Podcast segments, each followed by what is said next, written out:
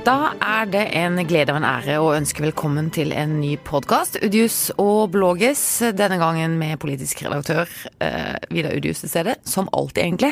Velkommen. Tu tusen takk. Takk. Og så til Kjetil Reite, politisk journalist i Fjellandsvennen. Velkommen. Tusen takk. Og så velkommen til meg selv, Karen Kristin Blågestad, kulturredaktør i Fjellandsvennen. Tusen takk. Vær så god. Eh, vi har hatt en heftig valgkamp i Kristiansand som nå er over. Nå har politikerne hatt eh, første, sine første offisielle møter, og har altså fått framlagt budsjettet de skal forholde seg til. Nå skal denne heftige valgkampen munne ut i reell politikk. Og hva kan vi si om det, Vidar Udius? Vi kan si at hverdagen har begynt. Og den eh, hverdagen i Kristiansand bystyre begynte onsdag klokka 17. Eh, da eh, ca. klokka 17 så fikk de framlagt budsjettforslaget fra administrasjonen, som var en kalddusj for, eh, for, veldig mange. Både de nyvalgte, som jo kom inn i bystyret for å drive virkelig politikk og, eh, og få gjennomslag for eh, hjertesaker. Og også for en del politikere i, de, i mange partier som har gitt rause løfter gjennom eh, valgkampen, og som nå fikk presentert et budsjett hvor det ikke var lagt inn noen eh, politiske løfter, stort sett, og hvor det var eh, litt kutt rundt forbi, bl.a. på oppvekst.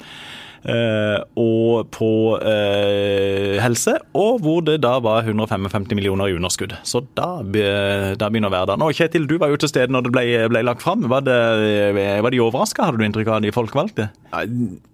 Det tror faktisk For mange var det her verre enn det jeg hadde trodd. Det er klart at når du, når du, du begynner altså perioden med at med 155 millioner i underskudd før du har fått gjennomført et eneste valgløfte.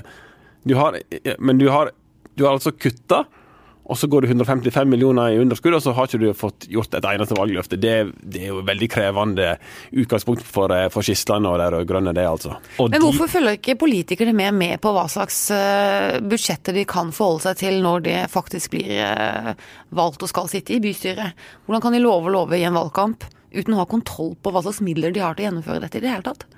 Det, det, det, er det jo sikkert flere, flere, forklaringer på versjoner av. Men det er klart, vi, vi, hadde vel en sak i løpet av valgkampen hadde vi ikke det, hvor Arbeiderpartiets løfter ble summert opp til nesten en milliard, var det ikke det, i, i Kristiansand? Så de, det var jo ganske, ganske raust i lys av denne Det var jo, Nå skal det i rettferdighetens navn si at i den milliarden så var det nok en del prosjekt som nå vil få, eh, få statlige penger. da.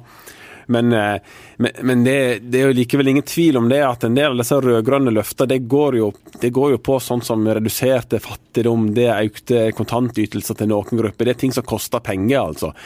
Og, da, og det kan du får ikke innfridd dem på andre måter enn å finne penger til det i budsjettet. og Slik som situasjonen er nå, så må de jo da kutte på noe annet eller øke eiendomsskatten på sikt. og det begge deler framstår jo som veldig vanskelig. Men jeg må bare spørre om en ting. For det er jo i dette samarbeidet som er inngått i bystyret, så er det jo satt brems på en del store og kostbare prosjekter som skal utredes litt på nytt og sånn og sånn. Eh, ja, men de men samtidig lover så mye på andre kanter, da? Ja, eller? de koster ikke så veldig mye, vel egentlig, altså. Så, ja. Kunstsilo der hadde jo sagt at vi, vi skal ikke øke, ja. øke, de kommunale bevilgningene, men altså vi står fast på det som, som, eh, som er vedtatt. Eh, Gartnerløkka koster vel ikke sånn sett noe spesielt for kommunen utover da eh, bompenger for, eh, for, bilister, i tillegg til de statlige pengene. Eh, men, men, eh, men, men, et konkret løfte som, som særlig Arbeiderpartiet og SV, som er, som er veldig viktig for de, det er jo Eh, heltidsstillinger, det er klart, det, eh, det, det, det kan koste. Også for, denne, ja, også for denne folkelista, som nå også er en del av samarbeidet i bystyret. De har jo eh, gått til valg på veldig økt satsing og, og, sånn i bydelen i Kristiansand. Og det handler jo litt om skole og alt det der. Og, ja, og det skjer vil... ikke så mye der nå? Nei, og De vil jo også redusere eiendomsskatten da, i, i folkelista, så det kan jo bli interessant å se hvordan de klarer å å finne ut av det.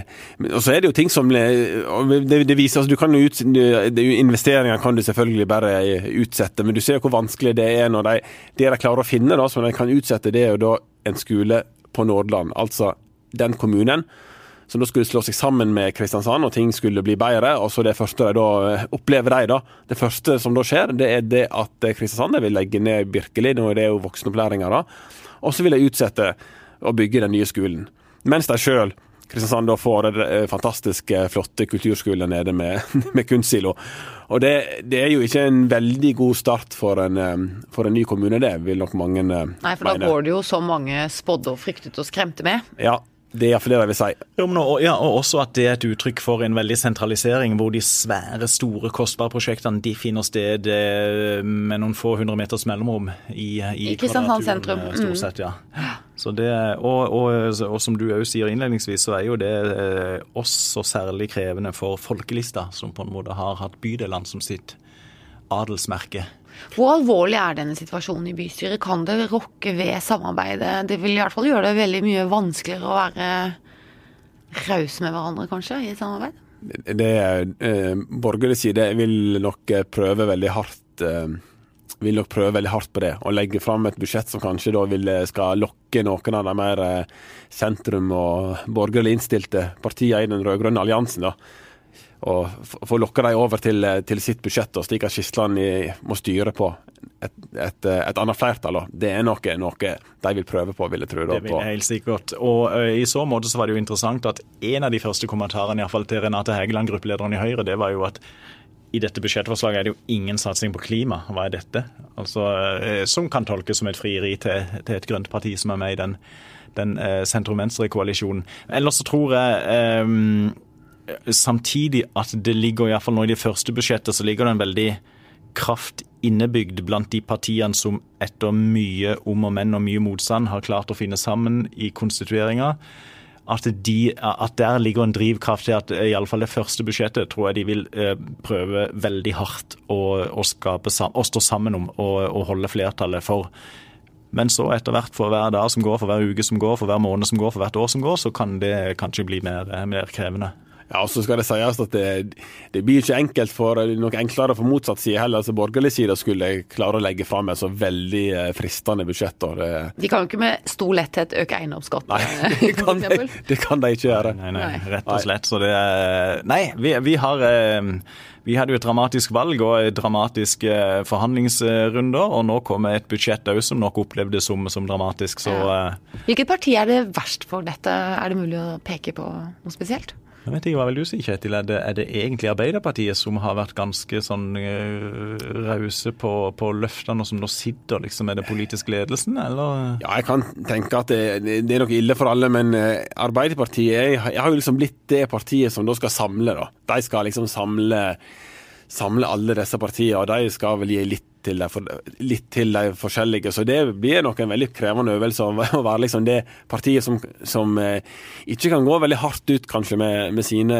store valgløfter og sine vyer, men må, må, må ha den funksjonen at eh, vi skal være det som klarer å å finne kompromisser, da. Ja, De skal være limet eller ja, gaffateipen ja. i nye bystyret? Jo, men en litt sånn lokal versjon av det som Høyre sliter med litt på, på landsplan, ja. nasjonalt sett i regjering. at Hvor, er liksom Høyres politikk, ja. bortsett fra å være det minste felles multiplum mm. mellom de andre? Ja. Styringsparti, som det mm. heter. Mm. Ja. Det blir spennende å se. Ja. Uh, vi skal holde oss litt til politikken. Vi skal løfte blikket litt og uh, diskutere litt den nasjonale politikken. Vi tilhører jo en region hvor det er mange KrF-velgere, så når det skjer noe Sa du region eller religion? Region, sa jeg. Ok. Ja. Mm. Mm. Eh, takk for avbrytelsen for øvrig. Ja. ja vi prøver en gang til. Ingen vi tilhører en region med mange KrF-velgere, sånn at det som skjer i KrF er interessant for vår region. Hareide har nå gjort det kjent at han ikke stiller til gjenvalget som stortingskandidat for Kristelig Folkeparti. Og det var vel ikke egentlig så overraskende, var det det, Vidar? Nei, men det var jo synd for eh, podkasten Udius og Blogisk, for han har jo vært eh, gjest hos oss, og til og med han har um, sprengt nasjonale nyheter her ved at han har gått inn for Kjell Ingolf Ropstad som ny partileder i KrF. Det gjorde han her. Ja. Her hos oss, og en hilsen til Knut Arild Hareide, hvis han hører på oss. Um, nei, det var egentlig ikke så overraskende. Det fikk veldig mye oppmerksomhet. Det er vel heller ikke så overraskende, men, men at han da ikke søker gjenvalg, tenker jeg var nokså naturlig, og i forlengelsen, en naturlig forlengelse av at han tapte kampen om retningsvalget. Eh, og skulle han stilt til valget igjen, så ville det som han sier sjøl òg, det kunne utløst spekulasjoner. Er dette her Hareide som er på, på, på omkamp? revansj? Ja. ja. Og skulle han på en måte gått inn i neste stortingsvalgkamp med det hengende over seg, eller skulle han gått inn i neste stortingsvalgkamp ved å kjempe for det som KrF må kjempe for, altså fornya tillit til en, til en borgerlig firepartiregjering, som han jo sjøl ikke har så veldig sans for. Jeg tror det ville blitt vanskelig for han, for han uansett. Eh, hva, hva, tenker dere? Er det ja, det, det, det er nok ganske åpenbart, det. altså. Fordi at KrF de er nødt til å kjempe for Erna Solberg som statsminister. De er nødt til å kjempe for det regjeringsprosjektet som de da har vært med på. som de er med på i, i Stortinget. Så eh, det har nok ikke vært veldig fristende for eh, for Hareide det. Og han har jo vært eh, og markert seg som en av de største kritikerne av Fremskrittspartiet. Og skulle gå til valg på å eh, forsvare regjeringssamarbeid med dem, har jo sikkert, hadde sikkert kosta ham. Og det er jo et stort paradoks i, i alt det eh, både han og partiet har vært gjennom, at det var forholdet til Frp som førte mm. til at han falt. Mm. Hans uh, sterke ønske om å ta et oppgjør med å gå opp en klar grensegang til Frp endte med at KrF gikk i regjering med Frp. FRP. Jeg må si en ting, for jeg har hørt han eh, kommentere eh, sin egen avgang på radio i dag. Det har vi jo sikkert alle, eller på, i mediene nå. Eh, han virker jo ikke som en bitter politiker. Jeg syns han er eh, sjelden eh, ubitter til å ha tapt, eller gått på et sånt ideologisk nederlag som sikkert har vært en stor sorg for ham. Mm. Og, det, og han, eh, og han eh, Hva skal han si, den Jeg vet ikke rausheten, men den Ja, det, det, får han jo kritikk for i denne boka, som hans tidligere nærmeste medarbeider Emil André Erstad eh, publiserte går helt sur i dagene tidligere denne uka. Eh, Ersa mente jo at han burde vært mer kynisk og, og liksom sånn, eh, vært mer hard i klypa i den interne striden, mens Hareide da underveis nekta å være det fordi at vinneren måtte ha legitimitet etterpå. I hele, hele det breie ja, KrF, ja. Partiet. Mm. Og, det, og det, i forlengelsen av den linja han fremdeles opererer, eh, Hareide. Samtidig som når han får sjans, og i Politisk kvarter i dag med oss, når han får sjans, så, så, er han der i forhold til Erna Solberg. Og, liksom, ja. det var... og det har det med denne innblandingen som han mener at det abortutspillet var. Ja, det, han la, det er sant. Han lar jo ikke den eh, saken eh, ligge. Men jeg må si det er jo men han nekter å kalle det et svik? Han gjør ikke det? Ja, nei, han, han, gjør ikke det. Det er Erstad sine ord som, ja. Eh, som eh, kaller dette, mm. dette, et svik. Men, og, men jeg, jeg har stått meg også med, med Harald de gangene ja, når jeg har møtt ham, at eh, ja, han, han tar, det, tar, dette enorme nederlaget med veldig stor uh, fatning, altså. Mm, han, ja, han, kommer veldig godt ut av det, det som jo har sikkert vært en veldig krevende prosess. Hva vil uh, bli Hareides ettermæle som politiker, hvis vi forutsetter at han ikke kommer tilbake noensinne, da? Det tror jeg vil være veldig avhengig av, eh, av, av hvem du spør. Ja. Men det vil selvfølgelig være veldig nær knytta til den prosessen vi, vi, eller det vi var vitne til eh, for ett år siden. Noen vil sikkert kalle det for veldig eh, dårlig ledelse, mens andre vil kalle det for et veldig modig valg. Det er litt hva du, hva du legger vekt på, eh, hva du mm. legger vekt på her, altså. Mm. Og han, jeg tenker han, eh, han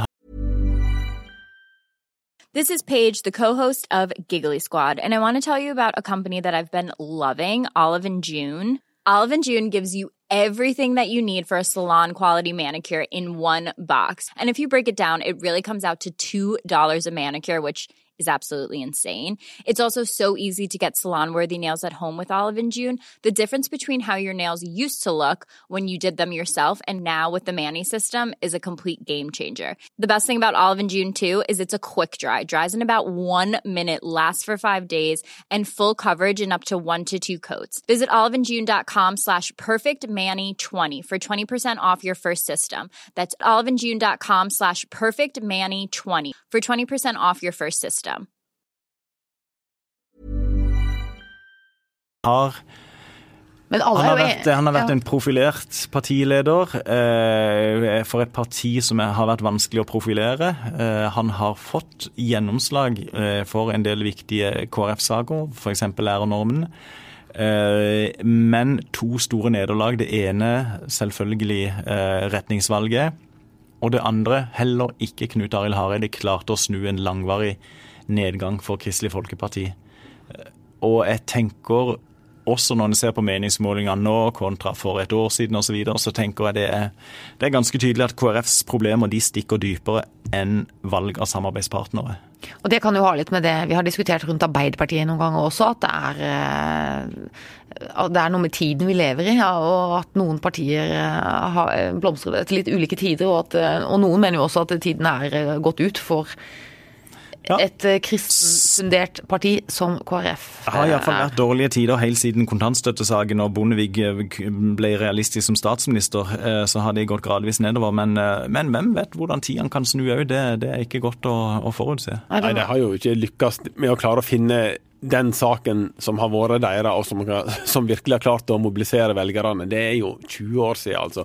Og det må jo være veldig frustrerende for for eh, partiledelsen. Nesten uansett hva saker de går ut og fronter, så får det, det, får liksom, det trekker ikke velgere, det skaper ikke engasjement.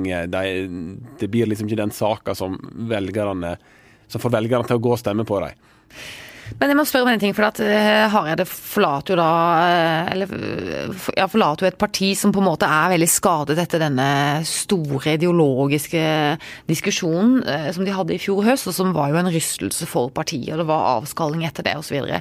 så vil jo mange også hevde at han som overtok lederjobben etter Hareide, han har ikke vært på langt nær så tydelig politiker, så profilert politiker, og ikke klart seg så godt i valgkampen som Hareide ville gjort. Hva mener dere om det?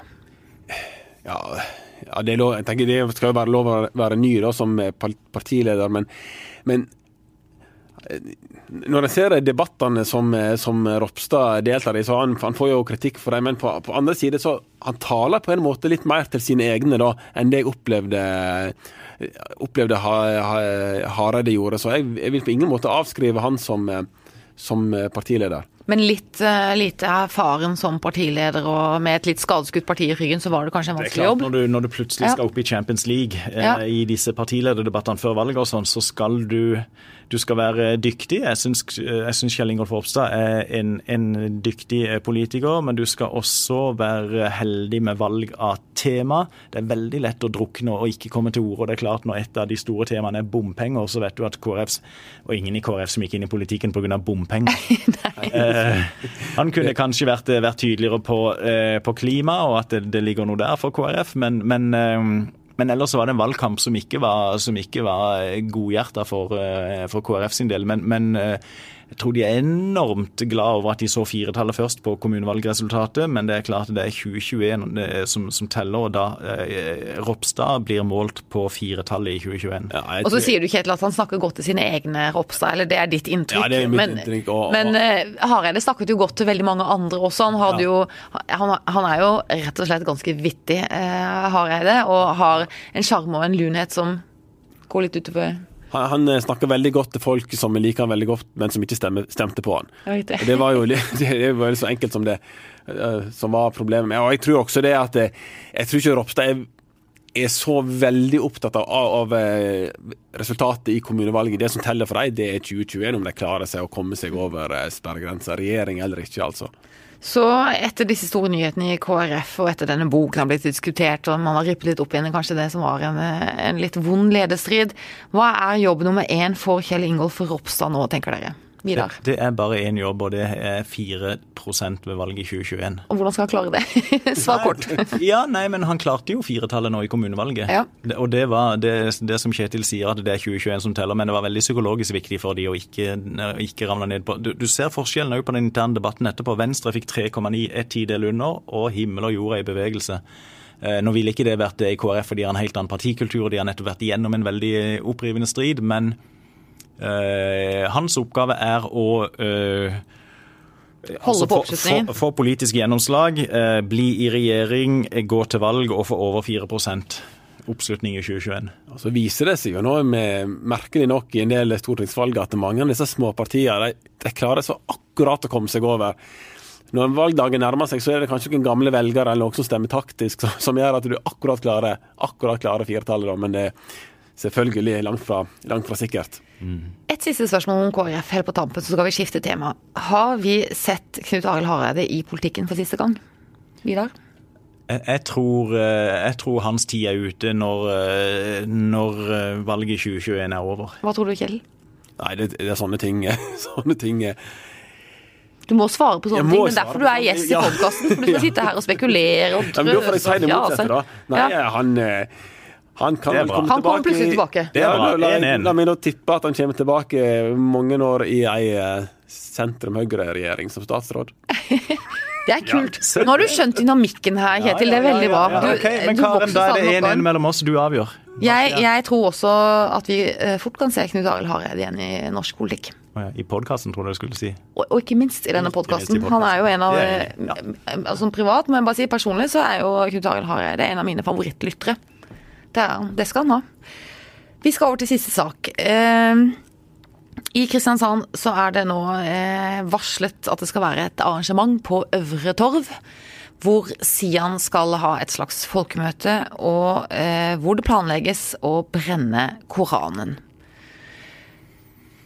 Kan ikke jeg spørre hva du mener om det, Karen? For det at du holder akkurat på å knatre sammen en kommentar om det. Ja, jeg har jo levert. Du har levert til Ja. meg? Ja, riktig. Jeg rakk ja. deadline. Hva er, hva er eh, konklusjonen i din kommentar? Nei, min konklusjon er at eh, det er egentlig at altfor mange mener altfor lett om det. For at det er en vanskelig sak. Det er eh, basale verdier i det norske samfunnet som spilles opp mot hverandre. Ytringsvern, ytringsfrihet, eh, demokrati. Også dette med hatefulle ytringer, som jo har blitt satt mer på agendaen i, norsk offentlighet. Jeg mener at det er en vanskelig sak å mene noe klart om, og jeg er usikker på og, da- men da snakker du om det bør forbys eller ikke? Ja, ikke sant? Og, så, ja, og, og, det, og det vil jo lene seg veldig mye til om det er en hatefull ytring eller ikke. Ja, Hva tenker du er det en hatefull ytring? Eh, Jeg tenker at sånn eh, strengt juridisk så er det diskutabelt. Det kan nok være det, og så kan det også ikke være det. Også moralsk og politisk så tenker jeg at det er en hatefull ytring, for det er en veldig sterk symbolikk i å brenne det noen Og- og det- eh, ja. anser for å være hellig. Ja, og det er en sterk symbolikk. Samtidig som eh, hvor går på en måte grensa? Eh, ingen ville mene det er brudd på loven å brenne fevennen på torvet. Jo, det Nei, men det er drøyt, altså. Eh, ja, ikke sant? Eh, brenne andre bøker på torvet, ok. Så kommer du til religiøse skrifter, Bibelen, Koranen. Er det der, Flagg. Flagg, Ja. er det der grensa går? Er sant? Nei, det Ja, hva syns du, Kjetil? Er det en hatefull ytring å brenne Koranen? Ja, det er så Nei, det, om det er rent juridisk, så er det kan hende ikke det. Eh, og, og det er vanskelig å si hva, hvordan du skal reagere mot noe sånt. Om, om eh, og jeg kan forby det, så det er en, en reaksjon. Hadde du tillatt det, så hadde du kan hende fått du hadde fått en motdemonstrasjon der du kunne tenkt deg 1500 mennesker som snudde ryggen til det her, og som markerte veldig sånn avstand, avstand til det. Så det kan hende at det hadde vært en, Det kunne også vært fint, ja. Kanskje hadde vært en bedre reaksjon, det, og så hadde du fått med deg ja, hadde sikkert eh, en del menigheter hadde stilt opp for å vise liksom det, hvordan vi reagerer på mot, ja, at vi står sammen da med muslimene i denne saken. Vi skjønner, vi forstår dere veldig godt hva det vil si å ha en bok som er hellig, selv om vi er grunnleggende uenige. Så, så, eh, så det er jo ikke sikkert det at disse forbudene hadde hatt eh, Men, ah, men hadde det hatt den effekten vi ja. kanskje håper det vil ha. da. Men det er interessant det du sier der, Kjetil. For eh, der, det prøver jeg også å drøfte litt av. Fordi at uh, du sier at vi forstår uh, hvordan muslimene reagerer på dette, og vi står sammen med dem. Uh, ikke sant? Det gjør vi jo egentlig ikke. Gjør vi det, da? Syns ikke vi at muslimene er veldig krenkbare? Må ikke, må ikke også muslimer, altså troende muslimer, avfinne seg med at nå lever de i et eh, Og de har gjort det kanskje i mange generasjoner, ikke vet jeg, eller i en generasjon, men at de lever nå i et fritt demokrati hvor ytringsfriheten har et større vern enn såkalt blasfemi eller religiøse krenkelser. At ytringsfriheten er rett og slett en større verdi, og at de, på linje med kristne, i et par tiår kanskje her i Norge, har måttet avfinne seg med religiøs kritikk som av og til tar form av eh, det de opplever som blasfemi. Eh, ja, det, det, um, det jeg, jeg, forstår hva du mener. Det jeg mente å si, var at det, at det er klart at det, det, det at en står Nei, at, vi, at en, en slags solidaritet, da. At det, kan hende hadde hatt en større effekt for å, eh, for å ta avstand fra det som, eh, det som Sian har eh, det som Sian har tenkt å gjøre. Og så er det jo forferdelig vanskelig der å, om, om det skal ha noe rettsvern, og dette med om religi religiøse tanker, om det skal bli krenka, om det skal ha hva rettsvern det skal ha, altså. Det er jo eh, For det er jo ei gruppe, da.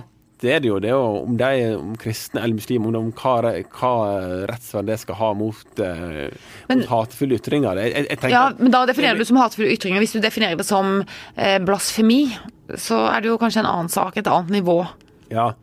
Ikke sant? Det er mange Men- men- Det men er det- en Men vi diskuterer jo mer den gruppa, da. Ja. Som, som muslimer, eller det er en, det er en religiøs minoritet, eller Mm. at om, de, de- om de skal, i det hele tatt skal ha noe rettsvern mot, eh, mot ytringer mot dem. Altså. Det, det, det er egentlig det vi diskuterer. Og, og, og har, du, har du konkludert, Karen? Har du, mener du det er er, er riktig å forby brenning av Koranen, eller mener du Nei, jeg mener vi kan ikke forby brenning av Koranen, og det mener jeg også Det er ikke riktig å gjøre det. Og jeg mener at, eh, at eh, troende muslimer som reagerer på det, må bare avfinne seg med at det må de prøve å bare la noe tumor holde på. Men jeg mener sterkt eh, at det ikke nødvendigvis behøver å skje på Øvre Torv, i byens fineste utestue. Der skal ikke vi gi rom for den type ytringer. Vi har jo nettopp i byen vår nå blitt enige om at vi skal prøve å løfte ordskiftet litt, og ha en litt mer respektfull debatt. Og noen av de som har uttalt at vi skal prøve på det, har jo også ment det. Og, da, og ikke, ikke alle, men noen har ment det. Men da kan vi jo rydde den type ytringer bort fra så sentrale offentlige rom som Øvre Torv. Hva syns du, Vidar? Nei, jeg, jeg, jeg, eh, jeg tenker det er feil å forby. Eh, fordi at eh, det, jeg tenker det er innenfor ytringsfrihetens rammer. Også på øvre, at de skal brenne Koranen på Øvre Torv? Ja, og så er, er det et godt spørsmål, fordi at eksempelvis denne nazimarsjen som vi hadde vel eh, to somre siden, er det det? Tida går så fort. Ja, ikke se. Eh, det var Én ting er at de får lov til å marsjere og dele ut flyveblader, som jeg tenker de bør ha rett eh, til, men, i, men igjen da å bruke byens paradegate og plutselig kommer stormende inn på helt tilfeldige mennesker som sånn Hva i all verden er det som skjer her for noe? Og som, og som da får sin frihet begrensa. Eh, Det er et annet spørsmål igjen. Eh, Ja, Er du ferdig, tenkte du, Kjetil, sånn på konklusjonen? Nei, nei, det er ikke Det, det er lettere spørsmål det. Det at kommunene har nå, kanskje noen begrensninger når det gjelder bruk av paviljonger og sånne ting. At, at de kan hende har en viss en, en del ting som de ikke tillater der, selv om det er strengt tatt juridiske lov. Det, det er lettere å ha forståelse for. Ja, enig. Ja, Mm. det, det er nok.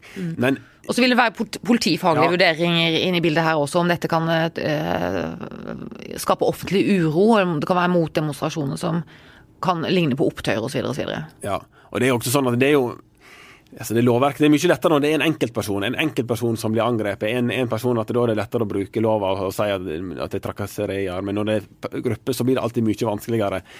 Men jeg tenker, jeg tenker prøver alltid å ha det kontrollspørsmålet at eh, du skal tenke hvis det var hvis vi setter det inn i en sånn antisemittisk eh, sammenheng, at det var jødene deres sine religiøse religiøse Skrifter som skulle- ja. som skulle brennes da, av muslimer, la oss tenke oss det, da. Eller eh, nynazister, da. Bare for slik at vi får akkurat de rette, rette assosiasjonene til 30-tallet, da. Det er ikke pent. Så, så ville vi vi må, vi må nesten ta den sammenligninga for Ja. å liksom virkelig skulle stå, stå fast på at det her skal, skal ikke være lovlig. Men når jeg kanskje heller mot det, så er det nok det at jeg, jeg tenker at de motreaksjonene som du ofte får med motdemonstrasjoner, de har kanskje en, kanskje en bedre effekt enn at eh, vi skal forby det, og så skal de gjøre det oppe i Baneheia, og så skal de legge det ut på YouTube, og så Og skal vi Ty- spre den. Tyskland har jo sånn sett prøvd med forbudslinjer mot nazistiske organisasjoner. Um, og det, hvorvidt det lykkes, er jo et åpent spørsmål når vi ser på høyreekstreme grupperinger som nå er på veldig frammarsj i, i det tyske samfunnet. Så uh, nei, ikke noe lett svar. eh, svar. Ikke noe lett svar. Men eh, gutter, Vidar og Kjetil, dere kan lese min kommentar i morgen, og så Og finner dere fasiten den, der. den er interessant. Og i tillegg Hågen Poppe har skrevet ukesluttkommentar, den eh, kommentatorringen vi har, om samme tema. Og så kommer det en reportasje fra Nordland om Kristiansandsbudsjettet. Veldig bra. Ja. Mye å lese i Fedrelandsen. Vi pleier jo ikke å lage så uh, uh, altså bamfri uh, selv egen reklame på, i podkasten, men uh, Det blir en del av framtida. det, det blir mye nå. Tusen takk for at dere kom i studio øh, på tampen av en hektisk uke og en hektisk fredag, og tusen hjertelig takk til alle dere som lyttet på.